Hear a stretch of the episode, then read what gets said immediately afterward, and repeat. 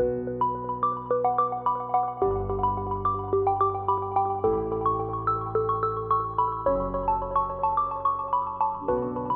ကြားတဲ့ကအေးဓမြတွေလည်းအခုတော့စစ်ဘလူးမိတ်ဆာတွေကြောင့်ဘေးရောက်ကုန်ကြရပါပြီလူကြားတဲ့ကအေးဓမြတွေဆိုတာဘသူတွေပါလဲတခြားသူတွေမဟုတ်ပါဘူးလုပ်ငန်းတာဝန်6ရက်နဲ့လူမှုကိုဝန်ဆောင်မှုပေးရမယ်ရဲတပ်ဖွဲ့ဝင်တွေဖြစ်ပါတယ်ရဲတပ်ဖွဲ့ဝင်တွေဟာပြစ်မှုမဖြစ်ပွားအောင်ကြိုတင်ကာကွယ်ရမယ် ဖြစ်ပွားတဲ့ပြစ်မှုတွေကိုစုံစမ်းစစ်ဆေးဖော်ထုတ်ပြီးတရားစွဲဆိုရမယ်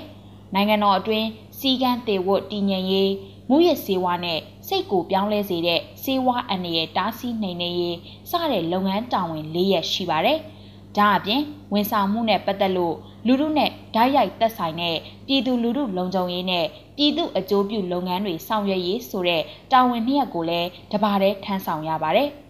မြန်မာနိုင်ငံရဲတပ်ဖွဲ့ဟာပြည်ထရေးလက်အောက်ခံလက်နက်ကင်ထားတဲ့အဖွဲ့အစည်းတစ်ခုဖြစ်ပါတယ်။ပြည်ထရေးဌာနကိုတော့စစ်တပ်ခေါင်းဆောင်ကခန့်အပ်ထားတာဖြစ်လို့တွယ်ဝိုက်သောအဖြစ်စစ်တပ်လက်အောက်ခံအဖွဲ့အစည်းပဲဖြစ်ပါတယ်။စစ်တပ်နဲ့မတူတာကတော့စစ်တပ်ဟာနိုင်ငံတော်ကာကွယ်ရေးကဏ္ဍကိုသာထမ်းဆောင်ရတဲ့တိုက်ခိုက်ရေးအဖွဲ့အစည်းဖြစ်ပြီးရဲတပ်ဖွဲ့ကတော့မှုကင်းကြာစင်းရေးနဲ့လူမှုကိုဝန်ဆောင်မှုပေးရတဲ့တာဝန်တွေကိုထမ်းဆောင်ရတာဖြစ်ပါတယ်။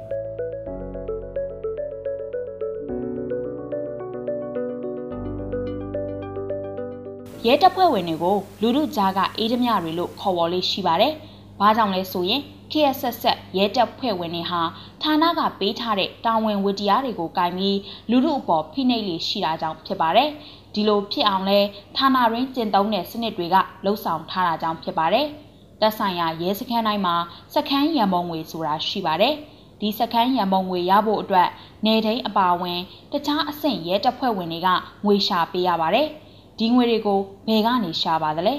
သူတို့ထိန်းချုပ်မှုအောက်ထဲထည့်ထားတဲ့နယ်မြေဒေသကစီးပွားရေးလုပ်ငန်းရှင်တွေပြည်သူတွေစီကနေနီးရမျိုးမျိုးနဲ့ရှာဖွေကြပါတယ်ရှာတဲ့နေရာမှာမတမာတဲ့နီးနဲ့စီးပွားရှာနေတဲ့လုပ်ငန်းရှင်တွေစီကနေစက်ကြီးလိုင်းကြီးကောက်ယူသလိုတမာသောနီးနဲ့စီးပွားရေးလုပ်နေတဲ့လုပ်ငန်းရှင်တွေစီကဒရာကြီးလက်ဖက်ရည်ဖို့ဆိုပြီးငွေညှစ်လေးရှိပါတယ်ဒီအေးရမြတွေဟာပြည်သူတွေစီကလည်းနီးပေါင်းစုံနဲ့ငွေညှစ်လေးရှိပါတယ်။ ကြီးတဲ့အမှုငယ်စီငယ်တဲ့အမှုပပျောက်စီဖြစ်ရမယ်အစားအမှုခင်းတစ်ခုဖြစ်တာနဲ့ဘလူနီးနဲ့ငွေညှိရမလဲဆိုတာကိုရဲတပ်ဖွဲ့ဝင်တွေကအစင်တစိုက်စဉ်းစားကြလေရှိပါတယ်။အထုပ်ကြီးရင်အလုတ်ပြီးတယ်အထုပ်သေးရင်အလုတ်နှေးတယ်အထုပ်မပါအလုတ်မလာဆိုတဲ့နီးနဲ့ငွေများတရားနိုင်စနစ်ဖြစ်အောင်ဖြစ်ထွန်းလာအောင်လက်လာပါမျှော်ပြီးလူလူကိုဝန်ဆောင်မှုပေးလေးရှိပါတယ်။ ရဲတပ်ဖွဲ့ဝင်တွေနဲ့ပတ်သက်လို့ပြောမယ်ဆိုရင်ပြောမဆုံးမောင်တောသုံးနောင်ဖြစ်မှာပါ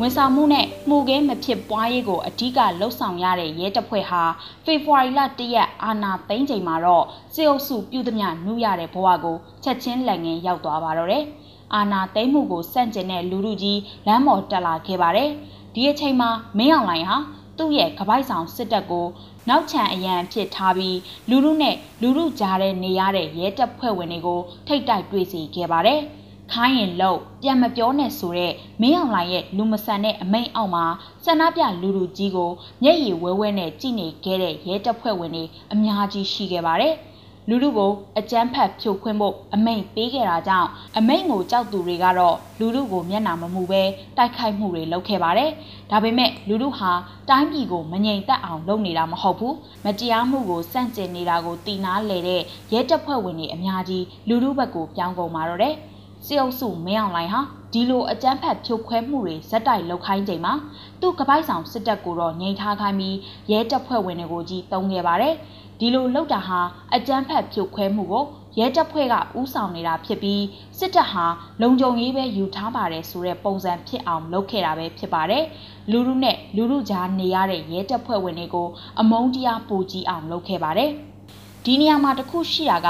ရဲတပ်ဖွဲ့ဝင်တွေဟာ စနစ်နဲ့မူမကောင်းတာကြောင့်နာမည်ပြတ်ရှိတဲ့အဖွဲ့အစည်းလို့ပြောနိုင်တော့ညာလဲမင်းအောင်လှိုင်ခေါင်းဆောင်တဲ့အကြမ်းဖက်စစ်တပ်လိုနိုင်ငံအာဏာကို မတရားသိမ်းလူလူကိုတေးတဲ့အထိပြစ်ခတ်တပ်ဖြတ်တဲ့စစ်တပ်နဲ့မတူဘူးဆိုတာပါဒါကြောင့်လဲအယက်သား NLD အစိုးရလက်ထက်မှာဒေါအောင်ဆန်းစုကြည်ဟာရဲတပ်ဖွဲ့ပြုပြင်ပြောင်းလဲမှုလုပ်ငန်းတွေကိုဒီဇိုင်းမမတ်လုပ်ခဲ့တာဖြစ်ပါတယ်။ရ ရဲတပ်ဖွဲ့ဟာလူမှုလုံခြုံရေးလူမှုကိုဝန်ဆောင်မှုပေးရေးရှေ့ရှုဖို့ပြုပြင်ပြောင်းလဲမှုတွေလုပ်ခဲ့တာဖြစ်ပါတယ်။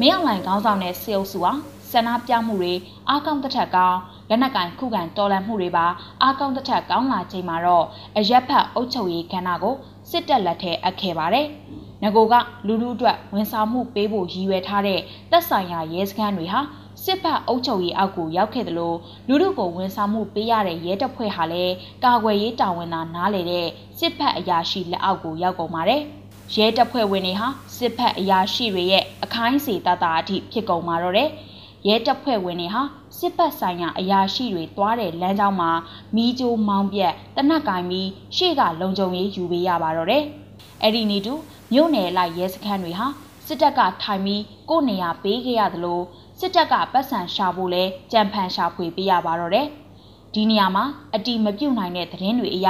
စစ်ဖက်အရာရှိတွေဟာအုပ်ချုပ်ရေးကဏ္ဍမှာကာလတစ်ခုတာဝန်ယူခိုင်းပြီးအဲ့ဒီကာလအတွင်းမှာအလိုရှိသလောက်ငွေရှာခွင့်ကိုနှီးပေါင်းစုံနဲ့မင်းအောင်လှိုင်ကခွင့်ပြုထားပါတယ်။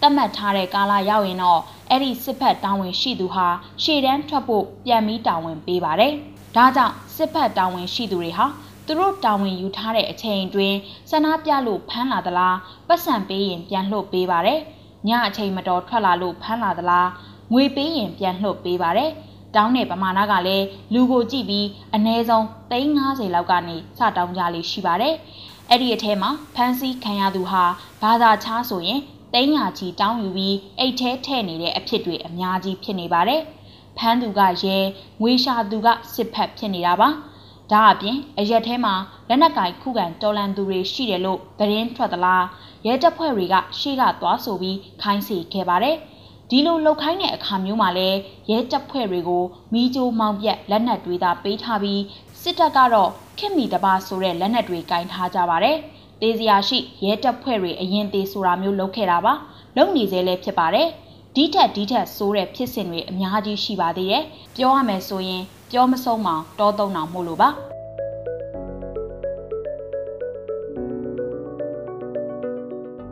စစ်တပ်နဲ့ရဲတပ်ဖွဲ့ဟာတွင်ပြင်လက္ခဏာဖြစ်တည်ပုံချင်းရက်တည်ပုံချင်းလုပ်ငန်းတာဝန်ချင်းလုံးဝကိုမတူပါဘူးအလွယ်ကူဆုံးတစ်ခုပြောရရင် စစ်တပ်ဟာလက်နက်ကင်ကာကွယ်ရေးတာဝန်ကိုသာယူရတာဖြစ်ပြီးရဲတပ်ဖွဲ့ဟာဝန်ဆောင်မှုနဲ့လုံခြုံရေးခန္ဓာကိုတာဝန်ယူရသူတွေဖြစ်ပါတယ်ဒီနေရာမှာရဲတပ်ဖွဲ့လဲဘာကောင်းလို့လဲလို့မေးမဲ့သူတွေရှိလာမှာပါရဲတပ်ဖွဲ့ဟာမင်းအောင်လိုင်ကပိုက်ဆောင်တက်ထက်တော့လူလူအပေါ်မယုံမှာဘူးလို့တခွန်းနဲ့ပြောရမှာဖြစ်ပါတယ်။ရဲတပ်ဖွဲ့ဟာလည်းလူလူနဲ့အတူစစ်ဖက်အရာရှိတွေရဲ့ရုံမာရိုင်းဆိုင်မှုကိုတွယ်ဝိုက်သောနည်းဖြင့်ခံနေရသူတွေလည်းဖြစ်နေပါပြီ။ နာမည်ပြည့်ရမယ့်ဖြစ်စဉ်မျိုးမှာရဲတပ်ဖွဲ့ဝင်တွေထိုးကြွေးခံနေရပါတယ်။အသက်သေးစေနိုင်လောက်တဲ့ကိစ္စမျိုးမှာစစ်တပ်ရှိကနေရဲတပ်ဖွဲ့ဝင်တွေတေပေးနေရပါပြီ။လူလူစီကမတထာရေစာလိုင်းကြီးစက်ကြီးနဲ့အသက်မွေးနေရတဲ့ရဲတပ်ဖွဲ့စက်ကွက်ကိုစစ်တပ်ကလူယူသွားတာခံလိုက်ရပါပြီ။လူကြားတဲ့ဝင်နေရယူနေတဲ့စစ်တပ်ဟာကားလားတစ်ခုရောက်ရင်သူတို့ဌာနေဘားတိုက်ကိုပြန်သွားကြမှာပါ ဒါပေမဲ့စစ်တပ်ကလူကြားတဲ့ကျူးလွန်ခဲ့တဲ့မတရားမှုတွေအတွက်ခေါင်းခံပေးရမှာကတော့အရက်သေးသွာလာနေရတဲ့ရဲတပ်ဖွဲ့ဝင်တွေဖြစ်ပါတယ်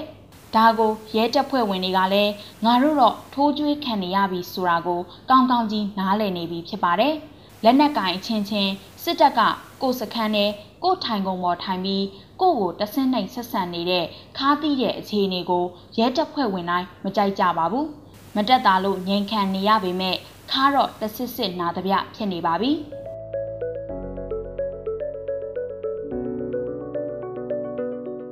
မင်းအောင်လှိုင်ခေါင်းဆောင်တဲ့စစ်တပ်ရဲ့ရုပ်မာရိုင်းဆိုင်တဲ့အတ္တမမှုတွေကိုလူလူကြီးလဲခံနေရပါတယ်ရဲတပ်ဖွဲ့ဝင်တွေလည်းခံနေရပါတယ်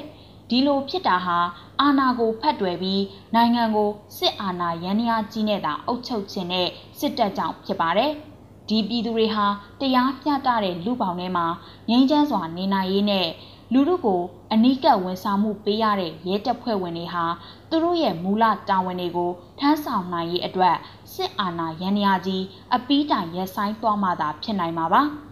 ဒါကြောင့်မကောင်းပေမဲ့စစ်တပ်လောက်မစိုးသေးဘူးလို့ဆိုရမယ်ရဲတပ်ဖွဲ့ဝင်တွေလည်းကိုယ်တိုင်ကိုကြခါးသီးစွာခံနေရတဲ့စစ်တပ်ရဲ့ရုံမာရိုင်းဆိုင်မှုတွေကိုမြင်အောင်ကြည့်ကြဖို့နဲ့လူလူနဲ့လက်တွဲပြီးစစ်အုပ်စုကိုတွန်းလှန်ကြဖို့အတွက်အသိဝင်ကြစေလိုကြောင်းတိုက်တွန်းလိုက်ရပါတယ်။